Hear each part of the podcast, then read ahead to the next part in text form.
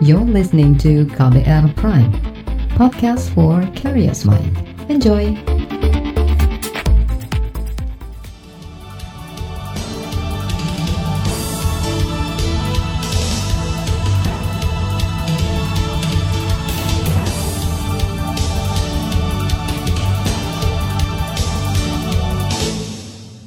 Selamat pagi saudara, senang sekali rasanya saya Reski Mesanto bisa hadir kembali pagi hari ini melalui program Buletin Pagi edisi Kamis 2 Juli 2020. Pagi hari ini tim redaksi KBR telah menyiapkan sejumlah informasi terkini untuk Anda. Di antaranya, Presiden minta kepolisian lakukan reformasi total. Puluhan kabupaten kota tak perbarui data penerima bansos selama bertahun-tahun dan Pemprov DKI perpanjang PSBB transisi hingga pertengahan Juli 2020. Saudara, inilah buletin pagi selengkapnya. Terbaru di buletin pagi. Kita mulai buletin pagi hari ini, Presiden Joko Widodo kembali memerintahkan para petinggi institusi Polri segera melakukan reformasi total di tubuh kepolisian. Perintah itu disampaikan Presiden ketika mengikuti peringatan Hari Bayangkara atau ulang tahun Polri ke-74 Rabu kemarin. Jajaran Polri harus terus mereformasi diri secara total selalu berupaya memperbaiki diri untuk lebih profesional dan modern, ubah semua kelemahan menjadi sebuah kekuatan. Saya ingatkan bahwa Polri akan menghadapi tantangan yang semakin berat dan semakin kompleks, mulai dari kejahatan konvensional sampai dengan kejahatan terhadap kekayaan negara. Ini bukan kali pertama Presiden memerintahkan Polri mereformasi diri dan meningkatkan profesionalisme. Pada peringatan Hari Bayangkara di tahun-tahun sebelumnya, Presiden Joko Widodo juga mengingatkan institusi Polri untuk terus mereformasi diri. Sementara itu, Kepala Kepolisian Indonesia atau Kapolri Idam Aziz berjanji melaksanakan perintah dan instruksi Presiden Joko Widodo, termasuk dalam membenahi kinerja dan meningkatkan profesionalisme Polri. Idam mengatakan peringatan Hari Bayangkara tahun ini menjadi momentum bagi Polri untuk meningkatkan pelayanan kepada masyarakat. Saya perlu mengingatkan sampai sekarang di awal-awal ini supaya tidak banyak susupo. Kalau orang Palu bilang susupo itu isu yang liar. Semakin ke depan nanti ya itu semakin tajam itu. Baru Juli, Agustus nanti ber-ber-ber itu sudah mulai makin tajam itu. Tapi saya kira ini bukan di Polri. Ini di polisi Papua Nugini kayaknya ini Pak Napoleon. Atau di Nicaragua ini polisinya. Kalau polisi Indonesia saya lihat kompak-kompak saja itu kayak api dalam sekam tapi Itu tadi Kapolri Idam Aziz. Berdasarkan data dari Komisi Nasional Hak Asasi Manusia atau Komnas HAM 2019, pengaduan dari masyarakat paling banyak menyangkut kinerja polisi. Dari 6.000 pengaduan yang diterima Komnas HAM, sekitar 1.600-an pengaduan terkait kinerja polisi. Pengaduan mulai dari lambatnya penanganan polisi, pengaduan kriminalisasi hingga proses hukum yang dianggap tidak profesional. Sementara Komisi Kepolisian Nasional atau Kompolnas memberi catatan mengenai praktik kekerasan yang masih kerap dilakukan aparat kepolisian. Anggota Kompolnas Pungki Indarti mengatakan, praktik kekerasan harus dihapus dengan cara mereformasi kultural atau budaya di tubuh kepolisian.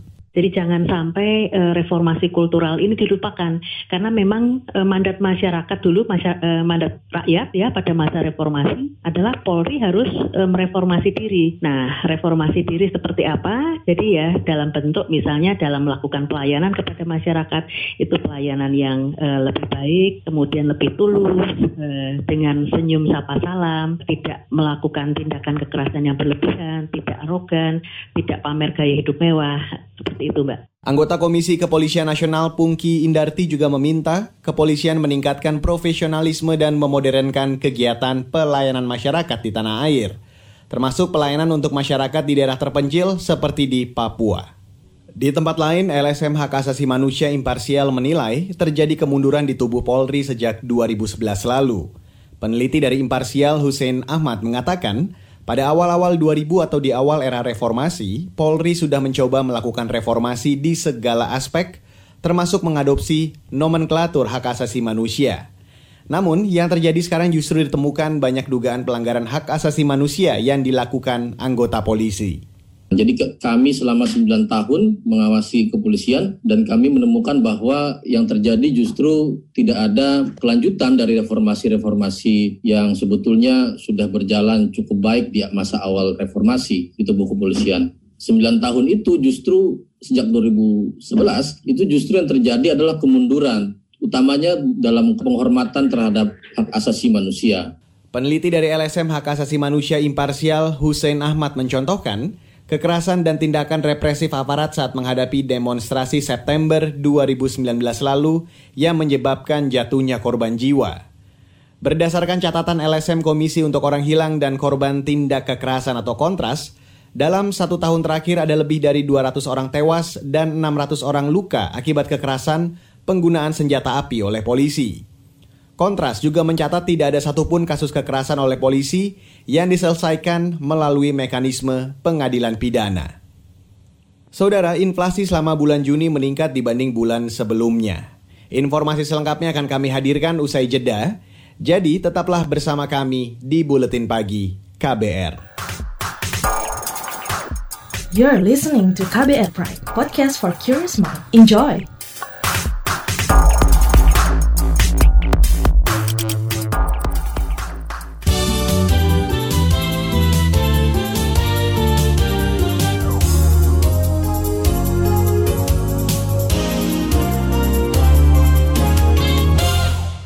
Kita ke pantauan COVID-19 terkini. Tren penambahan kasus baru positif COVID-19 di angka 1000 orang per hari masih terus berlanjut. Juru bicara pemerintah untuk penanganan COVID-19 Ahmad Yuryanto mengatakan, hingga siang kemarin ada tambahan 1.380 orang positif COVID-19. DKI Jakarta menjadi daerah dengan tambahan terbanyak di atas 200 kasus positif dalam sehari terakhir, disusul Jawa Timur dan Jawa Tengah. Hari ini kita telah melaksanakan pemeriksaan spesimen sebanyak 21.738 spesimen, sehingga akumulasinya saat ini menjadi 825.636 spesimen. Dari pemeriksaan ini kita dapatkan kasus konfirmasi positif sebanyak 1.000 385 orang sehingga totalnya menjadi 57.770 orang. Juru bicara pemerintah untuk penanganan COVID-19 Ahmad Yuryanto menambahkan saat ini ada 18 provinsi yang mencatatkan prosentase kesembuhan di atas angka rata-rata dunia yaitu di atas 54 persen. Kemarin kasus sembuh bertambah 700-an orang sehingga total menjadi 25.500 orang sembuh sedangkan jumlah pasien meninggal sebanyak 2.900-an orang. Sementara itu, Saudara Kementerian Sosial menemukan ada 300-an daerah yang tidak memperbarui data penduduk miskin secara berkala. Menteri Sosial Juliari Batubara mengatakan, dari ratusan daerah itu ada 90-an daerah yang tidak pernah memperbarui data sejak lima tahun lalu. Juliari menyebut hal itu menjadi salah satu kendala lambatnya proses penyaluran bantuan sosial saat pandemi COVID-19. Penjelasan itu disampaikan Juliari dalam rapat dengan Komisi DPR bidang sosial kemarin. Saat ini sekitar 319 kabupaten kota mengupdate data kemiskinannya namun tidak sampai 50%. Jadi misalnya ada kabupaten kota yang datanya 1000 yang dia hanya update mungkin 400. Yang tidak pernah update sama sekali dari tahun 2015 ada 92 kabupaten kota. Kemudian yang mengupdate lebih 50% dari datanya adalah 103 kabupaten kota. Jadi kalau diklasifikasikan yang paling parah begitu ya, ada 92 kabupaten kota. Menteri Sosial Juliari Batubara mengatakan akan segera melakukan pendataan ulang dan validasi data kemiskinan secara bertahap. Kegiatan itu akan menggunakan bantuan dana dari Kementerian Perencanaan Pembangunan Nasional atau Bappenas.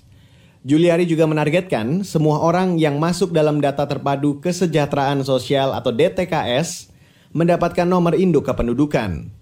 Menurut Juliari, ada belasan juta warga yang masuk dalam DTKS namun identitasnya tidak tercatat dalam data kependudukan Kementerian Dalam Negeri. Kita beralih ke informasi ekonomi. Saudara Badan Pusat Statistik atau BPS mencatat inflasi selama Juni 2020 sebesar 0,18 persen.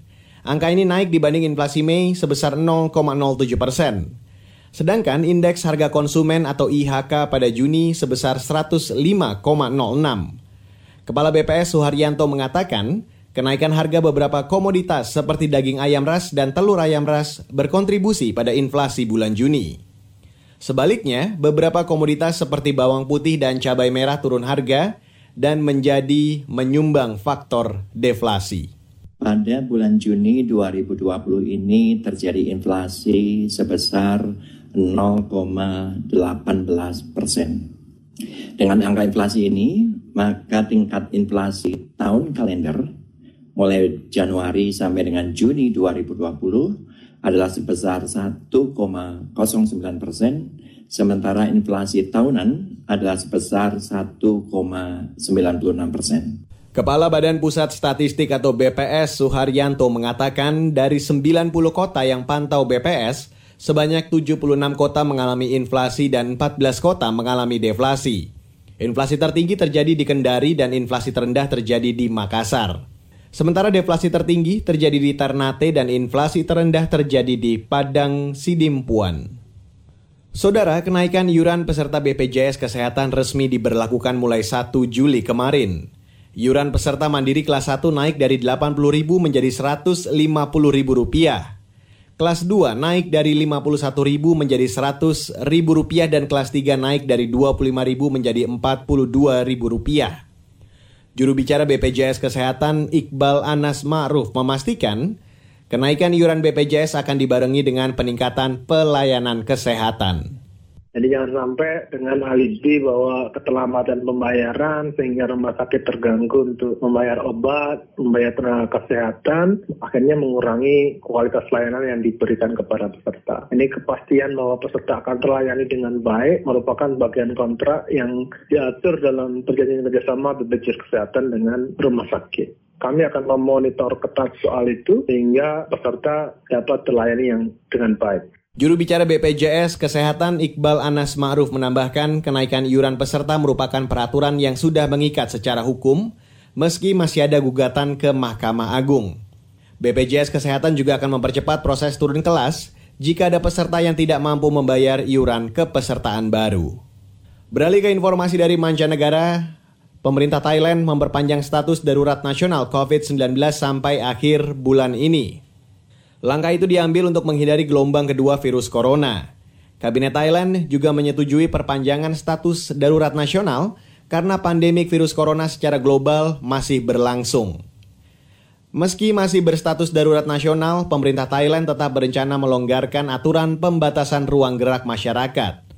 Namun, perjalanan ke luar negeri atau masuknya warga asing ke Thailand tetap dikendalikan menggunakan dekrit darurat nasional. Thailand merupakan salah satu negara yang tingkat kesembuhan pasien COVID-19 terbaik di dunia dan terbaik di Asia. Sampai saat ini penyakit COVID-19 menyerang lebih dari 3.100 warga Thailand dan hampir semuanya sudah dinyatakan sembuh. Saudara, laporan khas KBR tentang kisah penyintas COVID-19 dua bulan lebih bergumul melawan virus akan kami hadirkan usai jeda. Jadi, tetaplah bersama kami di Buletin Pagi KBR. You're listening to KBR Pride, podcast for curious mind. Enjoy!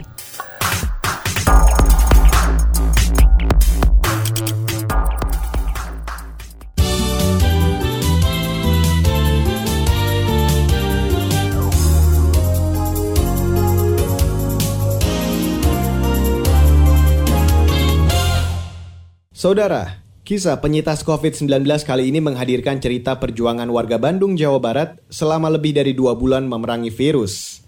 Simak kisah lengkapnya berikut ini sampai saya pernah muntah yang cukup hebat dan uh, kalau bernapas itu terasa sesak jadi tidak tidak bisa bernapas terlalu dalam gitu. Hanya setengah udah terhenti. Karena kalau dipaksakan pasti batuk. Seperti itulah derita yang dialami Hussein Nazar saat masih menjadi pasien positif COVID-19 ia kini sudah menyandang status sebagai penyintas sejak dinyatakan sembuh pada 3 Juni lalu. Hussein difonis mengidap virus corona usai pulang dari Turki pertengahan Maret silam. Kala itu, pensiunan pegawai BUMN ini nekat melancong bersama keluarga. Ia beralasan rencana perjalanan sudah disiapkan sejak enam bulan sebelumnya. Meski Hussein sempat dak-dikduk karena COVID-19 saat itu sudah dinyatakan sebagai pandemi oleh Organisasi Kesehatan Dunia WHO. Pada H-1 ya, tanggal 14-nya kasus yang ada di Indonesia ini memang baru ya, baru 96 ya, masih di bawah 100. Adapun di sana di Turki sendiri baru 5, baru 5 kasus.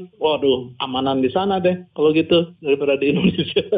jadi maskapai tidak membatalkan, jadi kita tanggal 15-nya jalan sana berangkat saya, istri, adik istri juga ikut sama suaminya. Sepulang dari Turki, Hussein dan istri mulai merasakan gejala. Namun tak sedikit pun tersirat, penyebabnya adalah virus corona mungkin merasa capeknya adalah capek wajar aja mungkin ini mah jet lag atau apa. Tapi kemudian hari ketiga di rumah itu uh, rasa perasaan semakin tidak enak badan gitu kayak yang meriang. Nah dari situ saya kan hanya makan eh, coba-coba dengan ditidurkan atau berjemur atau ini tidak ada kecurigaan ke situ. Selang sepekan Husen dikagetkan dengan berita berpulangnya adik istrinya yang ikut rombongan ke Turki. Iparnya itu berstatus sebagai suspek pneumonia baru. Sesudah hari ketujuh adik istri saya tuh yang di sana dia tiba-tiba meninggal. Kondisinya memang seperti itu. Dari mulai meriang sakit-sakit itu lemas badan dan ada mual-mual. Nah dari situ mulai kita juga agak berkhawatir. Husen dan istri berinisiatif memeriksakan diri ke rumah sakit pada awal April. Keduanya dinyatakan positif COVID-19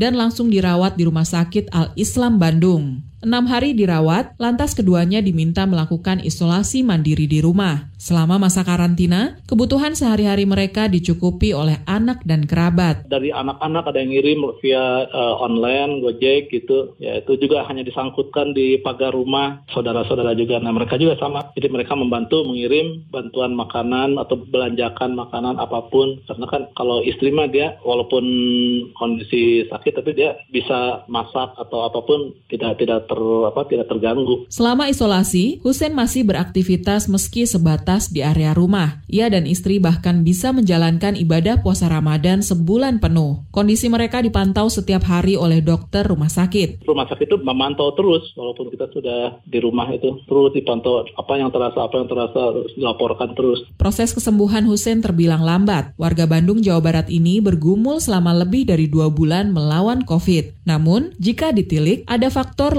lamanya hasil tes usap keluar. Dua hasil tes usap terakhir saja minimal keluar selang 10 hari. Ya, di swab dan hasilnya waktu itu masih lama nunggunya tuh karena kan katanya laboratoriumnya belum ada di Bandung sampai hampir 12-13 hari itu baru kita tahu itunya kabarnya positif atau negatifnya. Usai dinyatakan bebas COVID-19, Husen dan istri harus menghadapi masalah baru yakni stigma dari lingkungan sekitar. Meski sudah sembuh total, Husen merasa para tetangga beranggapan sebaliknya. Sesudah saya negatif, itu negatif dan kita umumkan ini baik di teman-teman teman, baik di keluarga, baik di tetangga, kita sudah umumkan. Tapi walaupun sudah diumumkan begitu, mereka tetap takut gitu kalau melihat kita tuh. Nah ini dampak sosialnya yang yang paling terasa sangat tidak enak gitu bagi kami itu adalah itu. Stigma itu memang akhirnya mereda, tetapi butuh waktu lama. Jadi karena kan pada waktu itu nama saya itu juga viral itu di komplek viral di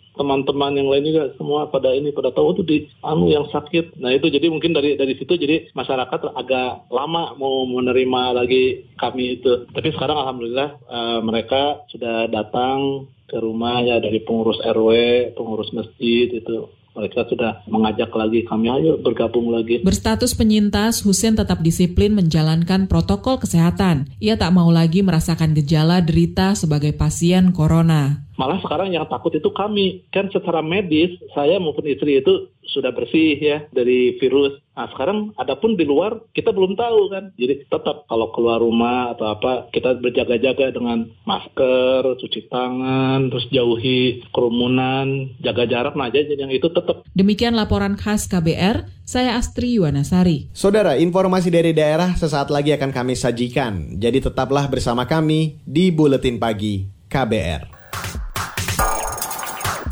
You're listening to KBR Pride, podcast for curious mind. Enjoy!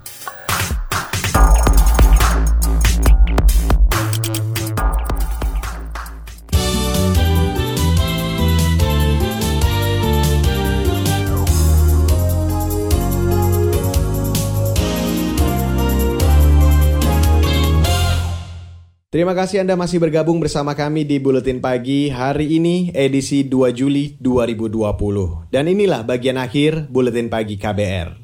Saudara, pemerintah Provinsi DKI Jakarta memperpanjang masa pembatasan sosial berskala besar atau PSBB transisi selama 14 hari. PSBB transisi tahap pertama berlaku sejak 4 Juni lalu dan berakhir hari ini 2 Juli. Gubernur DKI Jakarta Anies Baswedan mengatakan, dari pantauan sebulan terakhir, laju persebaran COVID-19 di Jakarta sudah terkendali.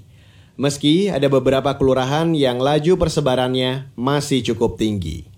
Dengan total skor ini artinya status kita memang kita bisa melakukan pelonggaran dan kesimpulan dalam rapat gugus tadi disimpulkan bahwa PSBB transisi yang itu artinya semua kegiatan berlangsung masih dengan kapasitas 50% akan diteruskan 14 hari ke depan. Jadi PSBB di Jakarta diperpanjang selama 14 hari ke depan dan kita akan evaluasi lagi sesudah kita mendapatkan perkembangan terbaru.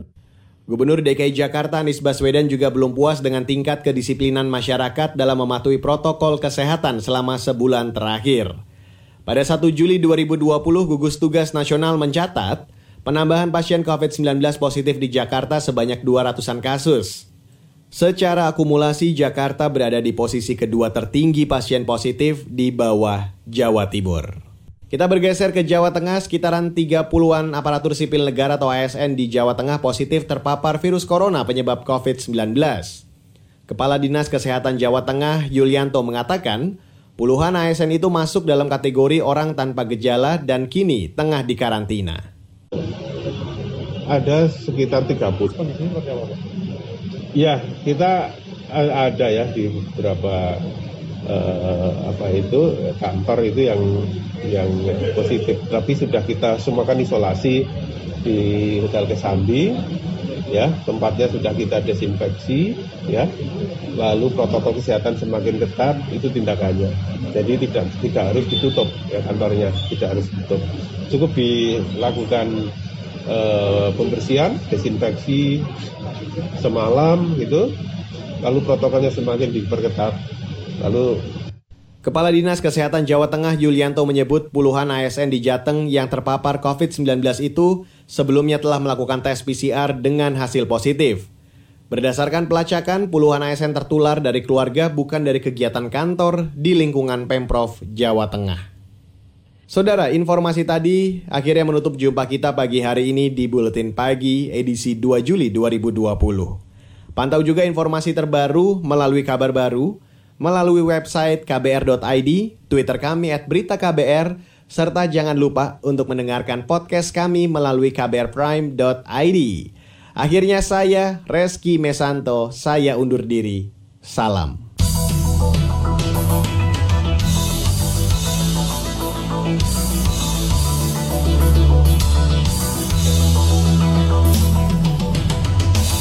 KBR Prime, cara asik mendengar berita. KBR Prime, podcast for curious mind.